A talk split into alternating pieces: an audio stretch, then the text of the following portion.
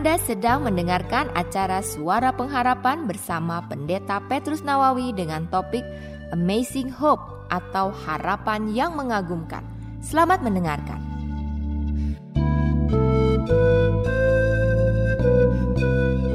Biasanya kalau orang melakukan perjalanan panjang, traveling berhari-hari dengan mobil, paling tidak selalu memikirkan kira-kira apa yang akan dibawa di dalam perjalanan itu. Apa yang akan dibawa di dalam perjalanan orang satu dengan orang yang lain pasti berbeda-beda. Tergantung dari apa yang mereka sukai. Karena biasanya membawa makanan-makanan, membawa minuman-minuman, tetapi juga tergantung dari bagaimana orang melihat perjalanan itu. Ada hal-hal penting yang harus disiapkan yang lebih dari sekedar membuat perjalanan itu menyenangkan, tetapi juga ingin supaya perjalanan yang dilewati nanti menjadi perjalanan yang aman. Sehingga disiapkan semuanya sebaik-baiknya. Supaya perjalanannya enak, supaya perjalanannya senang, supaya perjalanannya aman. Kalau menghadapi halangan, hambatan, tetap bisa melanjutkan perjalanan, dan tiba di tempat tujuan dengan selamat. Saudara, kalau kita melakukan perjalanan biasanya seperti itu. Bagaimana kalau saudara melakukan perjalanan? Apa yang saudara bawa di dalam perjalanan saudara? Apa yang saudara siapkan bersama-sama untuk berada di dalam perjalanan saudara? Kita sedang berada di dalam suatu perjalanan panjang. Semua kita, sadar atau tidak sadar, mau atau tidak mau, kita sedang berada di dalam suatu perjalanan, saudara. Perjalanan yang kita tahu kita sedang berada di dalamnya. Perjalanan yang kadang-kadang kita tahu itu perjalanan yang tidak menyenangkan. Perjalanan yang kadang-kadang kita tahu itu perjalanan yang menakutkan. Perjalanan yang kita tahu kadang-kadang itu perjalanan yang sulit. Melewati kelokan, melewati jalan yang naik turun. Bahkan kalau kita berjalan, kita tidak tahu kalau nanti belok di depan. Di depan itu ada apa kita nggak tahu. Saudara itulah yang namanya perjalanan kehidupan. Yang lebih dari sekedar perjalanan traveling liburan saudara. Suatu perjalanan panjang yang kita tidak mengetahui apa yang akan kita hadapi kemudian.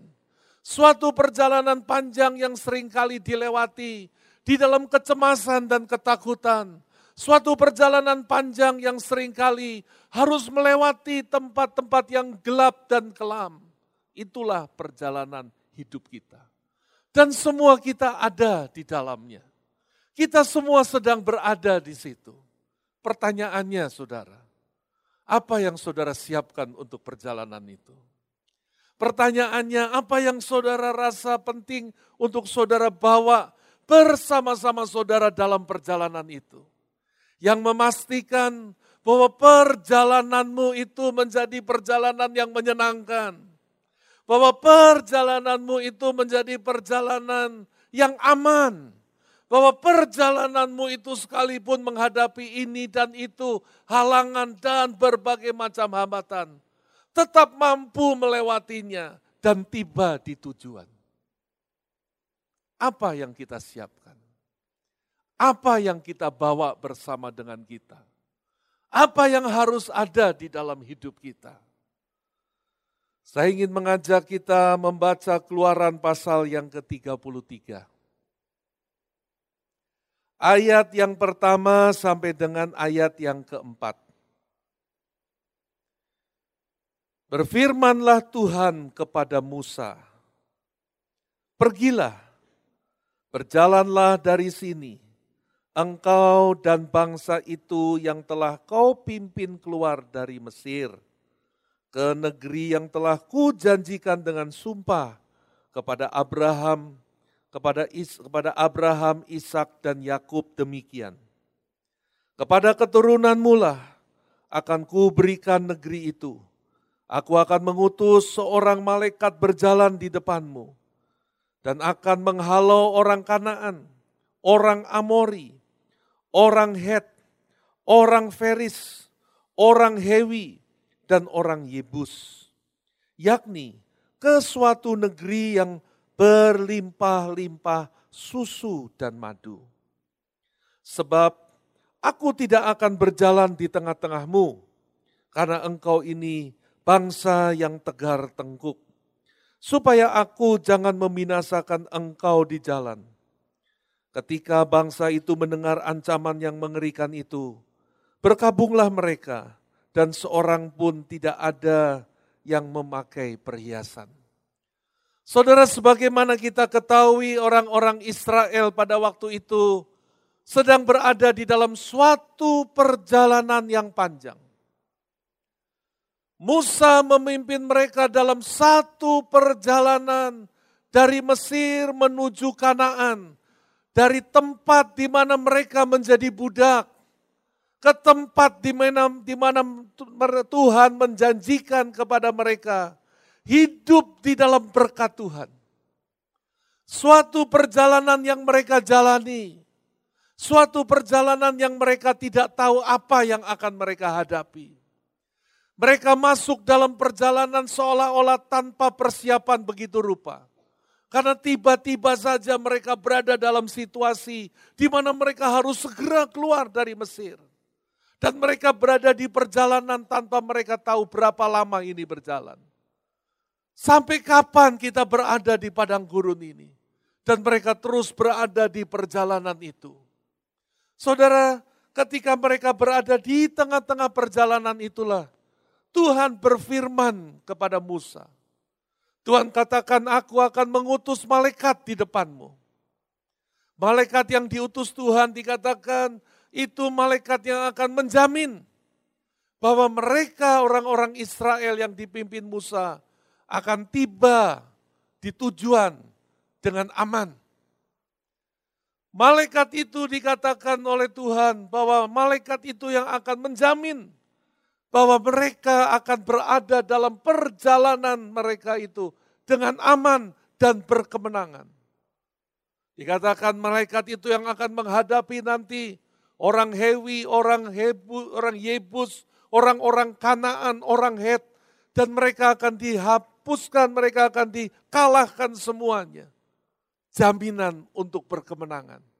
Jaminan untuk sampai di tempat tujuan diberi malaikat oleh Tuhan. Tapi kemudian Tuhan mengatakan, tapi aku sendiri kata Tuhan, aku tidak akan ada di tengah-tengahmu dengan kata lain, Tuhan yang tadinya berada di tengah-tengah mereka, memutuskan untuk meninggalkan mereka dan mengirim malaikatnya untuk berjalan, melindungi, menjaga, dan memastikan sampai di tujuan. Alasannya Tuhan katakan, karena engkau ini bangsa yang tegar tengkuk. Kalau aku jalan terus di tengah-tengahmu, aku bisa enggak tahan murka. Karena kedegilan hati orang Israel. Karena bebalnya mereka. Mereka sudah menyaksikan bagaimana Tuhan melakukan mujizat. Mereka sudah menyaksikan bagaimana ajaibnya Tuhan bekerja. Mereka sudah menyaksikan bagaimana pemeliharaan Tuhan luar biasa di sepanjang perjalanan. Tapi mereka tetap bebal. Mereka tetap keras hati. Mereka tetap memberontak kepada Tuhan. Tapi Tuhan memutuskan untuk membiarkan orang ini tetap memiliki janji Tuhan, diutus malaikat. Mendengar itu dikatakan orang Israel termasuk Musa, seperti mendengar ancaman yang mengerikan. Mengapa? Karena Tuhan katakan aku nggak lagi jalan di situ. Tapi kamu jalan saja, malaikatku kuutus. Saudara perjalanan itu jadi mudah atau tidak, perjalanan itu jadi panjang, melelahkan, membosankan atau tidak. Itu bukan dari medan, bukan dari situasi, bukan dari keadaan yang kita lalui, bukan. Tapi itu semata-mata tergantung dari sikap hati kita yang menjalaninya. Orang Israel menjalani perjalanan yang begitu sulit dan pelik. Seolah-olah tidak sampai-sampai kapan sih sampainya? Perjalanan yang harusnya enak, perjalanan yang harusnya mudah, Perjalanan yang bisa diselesaikan waktu satu dua bulan beres. Bertahun-tahun tidak selesai-selesai. Bertahun-tahun tidak sampai-sampai. Untungnya ada Tuhan. Sehingga perjalanan yang begitu rumit karena ulah mereka sendiri. Tuhan yang ada di situ. Itu yang selalu menjadi jawaban bagi mereka. Nah saudara kita mau belajar tentang hal ini. Apa yang bisa kita pelajari tentang perjalanan ini? Kalau kita berbicara tentang perjalanan kehidupan kita, maka kita perlu mengerti bahwa perjalanan hidup kita itu adalah perjalanan di dalam suatu kepastian. Perjalanan di dalam suatu tujuan yang jelas Saudara yang membuat orang itu bingung di dalam hidupnya, yang membuat orang itu resah dan gelisah menjalani kehidupan, yang membuat orang kadang-kadang jenuh, frustrasi, putus asa dalam hidupnya. Karena nggak jelas tujuannya apa sih? Untuk apa aku melakukan ini semua? Untuk apa aku ada dalam perjalanan ini? Tidak jelas untuk apa. Tidak jelas mau ke mana. Sedangkan perjalanan kita sebagai orang percaya kepada Tuhan adalah perjalanan yang clear, perjalanan yang jelas tujuannya. Apakah tujuan perjalanan hidup kita? Apakah tujuan hidup kita ada di tengah-tengah dunia ini? Saudara, tujuan hidup kita ada di tengah-tengah dunia ini adalah apa yang direncanakan Tuhan atas hidup kita. Sebab kita ini adalah manusia yang diciptakan oleh Tuhan dengan tujuan. Tuhan menciptakan kita dengan tujuan. Tuhan menciptakan kita bukan asal mencipta, kemudian ditaruh di tengah-tengah dunia, kemudian sudah hidup sana. Bukan. Tapi pada waktu Tuhan mencipta, Tuhan menciptanya dengan khusus dan spesial. Bahkan Tuhan mengenal satu demi satu ciptaannya. Dan setiap pribadi ciptaannya yang dikenal oleh Tuhan, pribadi lepas pribadi, nama demi nama. Tuhan punya rencana yang indah. Dan itulah yang menjadi jalan hidup kita. Betul, jalan hidup orang itu tidak sama.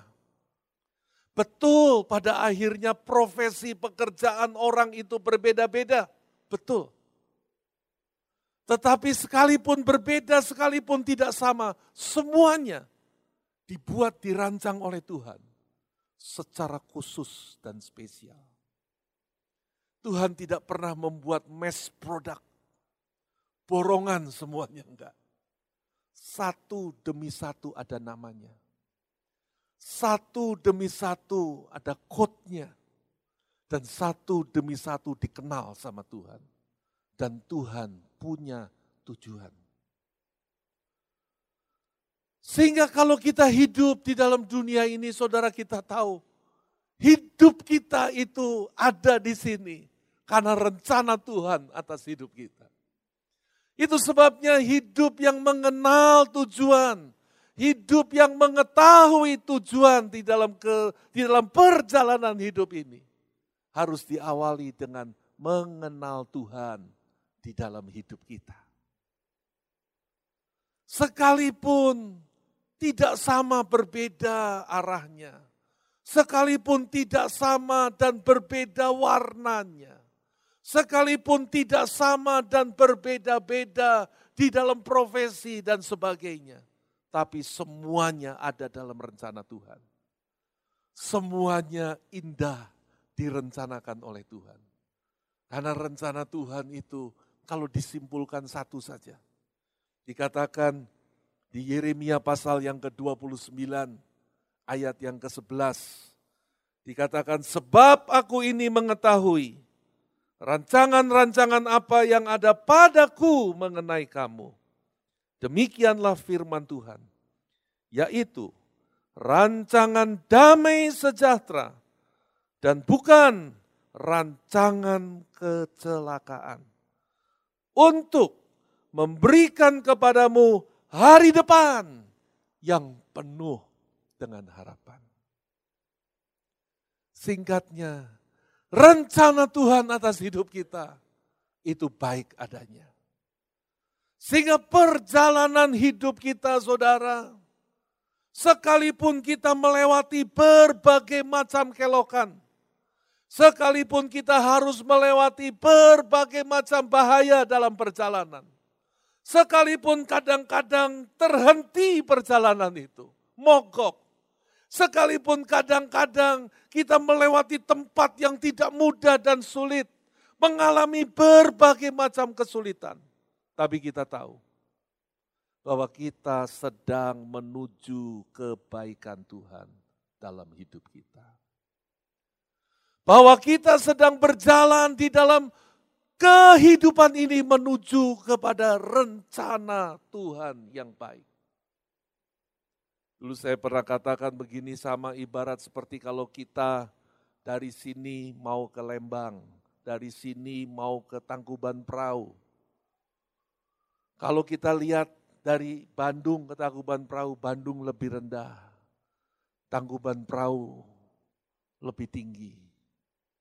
Kita naik ke tempat yang lebih tinggi. Tapi perjalanan menuju tempat yang lebih tinggi itu tidak selalu naik, saudara. Enggak. Enggak selalu jalannya nanjak begitu, tidak.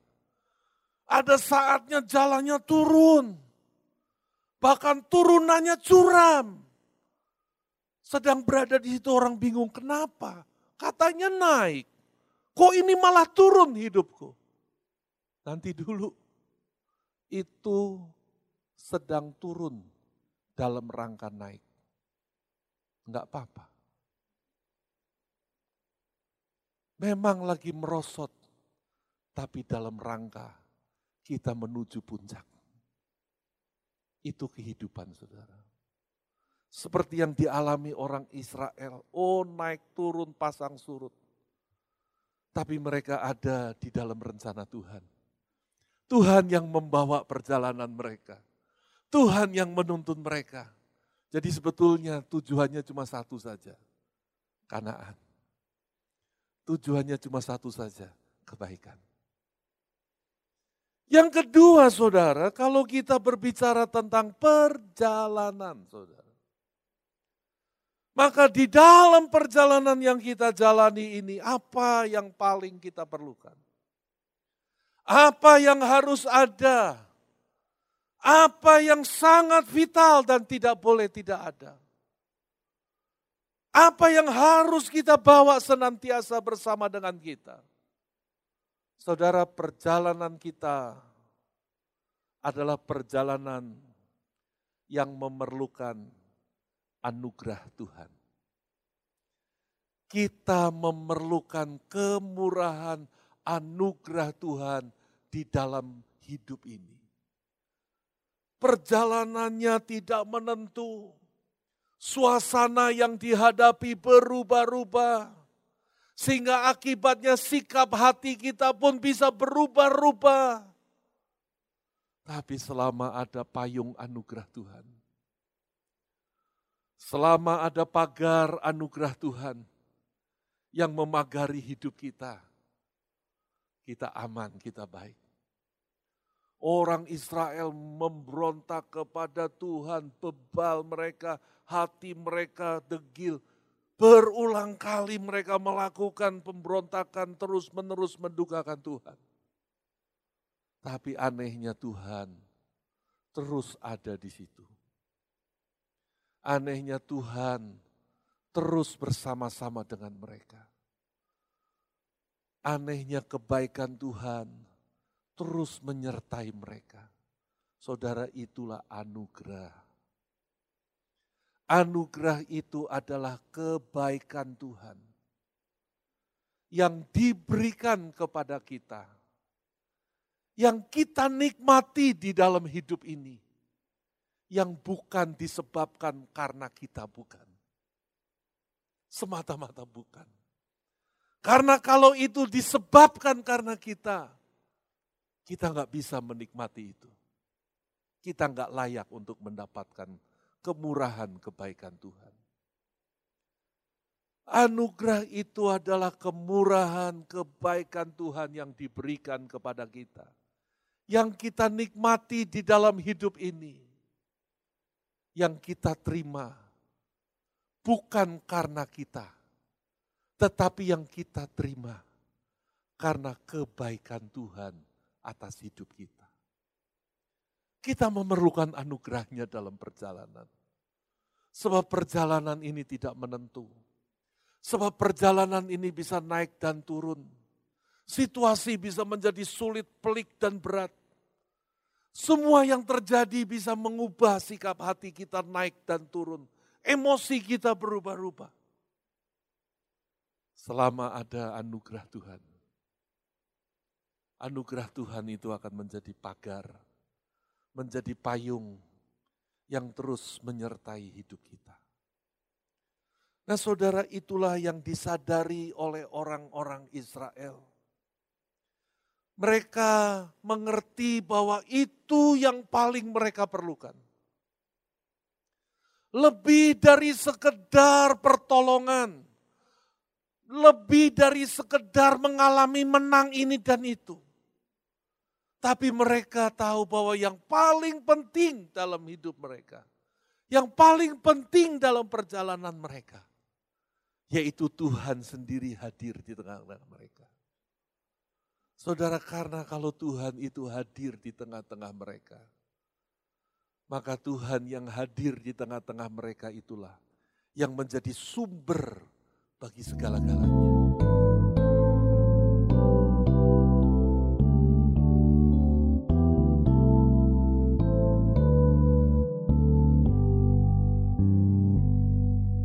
Anda telah mendengarkan dari topik Amazing Hope atau harapan yang mengagumkan.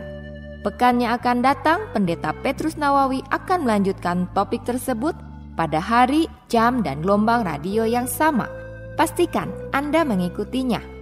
Sampai jumpa pada pekan yang akan datang. Tuhan memberkati.